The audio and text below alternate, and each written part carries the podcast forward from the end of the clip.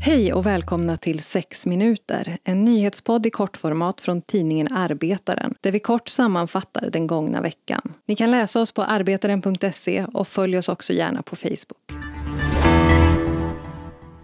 Uteblivna löner, fusk med arbetstillstånd, sju dagars arbetsveckor, personal som tvingas bo i lagerlokaler och en ägare som gömmer sig bakom bulvaner. Historien om den populära restaurangkedjan Indian Garden fortsätter och nu vittnar ytterligare tidigare anställda i arbetaren om systematiskt utnyttjande av människor som är beroende av jobbet för att få stanna i Sverige.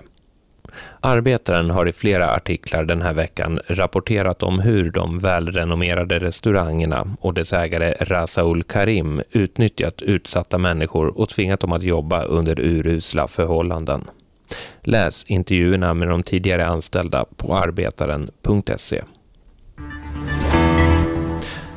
I onsdags svors Joe Biden in som USAs 46 president och många drar nu en lättnadens suck att Donald Trump är borta från makten. Men nu väntar en tuff tid för Biden med många tunga och svåra frågor som inte kommer att bli alltför lätta att driva igenom. För trots rivstarten i Vita huset, där USA bland annat återgår till Parisavtalet och Världshälsoorganisationen WHO, samt att Trumps hårt kritiserade murbygge mot Mexiko stoppas, så riskerar besvikelsen att bli stor för många Biden-anhängare. Det menar åtminstone Erik Åsard som är professor emeritus i Nordamerikas vid Uppsala universitet krafter, framförallt tror jag på vänsterkanten inom Demokratiska partiet som kommer att, kommer att dessa, eller argumentera att, att vi måste gå mycket, mycket mer djärvt fram här och göra mycket större reformer. Så att eh, det kan man vänta sig.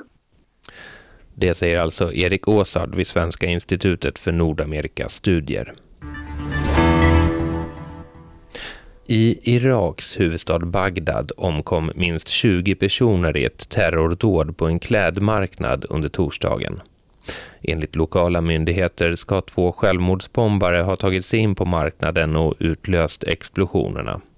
Dödssiffran befaras nu stiga då ytterligare ett 40-tal personer skadades i attackerna.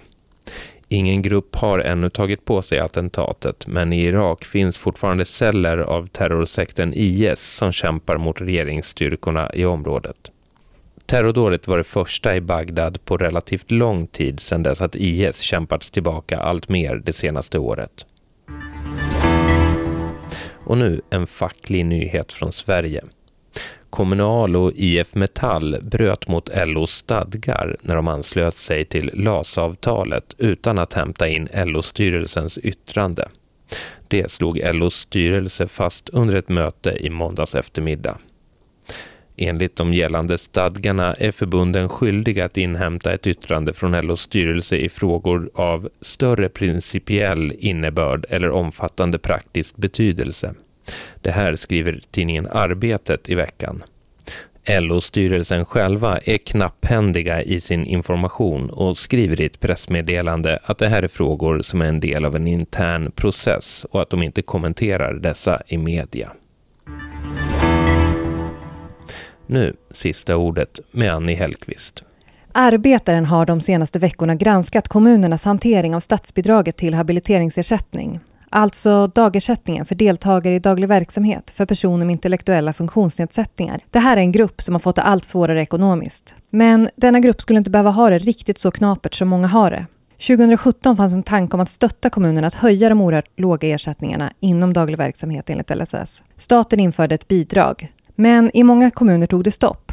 Det här har journalisten Anna Morin belyst i en artikelserie i Arbetaren. Det handlar om en redan fattig grupp som undanhålls pengar de har rätt till. Enda kravet när bidraget infördes var att det skulle gå oavkortat till deltagare i daglig verksamhet enligt LSS. Det skulle vara pengar i fickan till en ekonomiskt utsatt grupp. Ändå har 247 miljoner av dessa pengar inte sökts av kommunerna under bidragets första tre år. Förra året var det 15 kommuner som lät bli att söka pengarna. Ursäkterna är upprörande. Vi glömde, svarar Skinnskatteberg. Så få personer som berörs, säger Ydre kommun. Det skapar administration, säger Sotenäs. Den kanske sämsta ursäkten. Judith Timoni, ombudsman hos Riksförbundet FUB, kallar kommunernas agerande för en byråkratisk stöld. Det är bara att hålla med.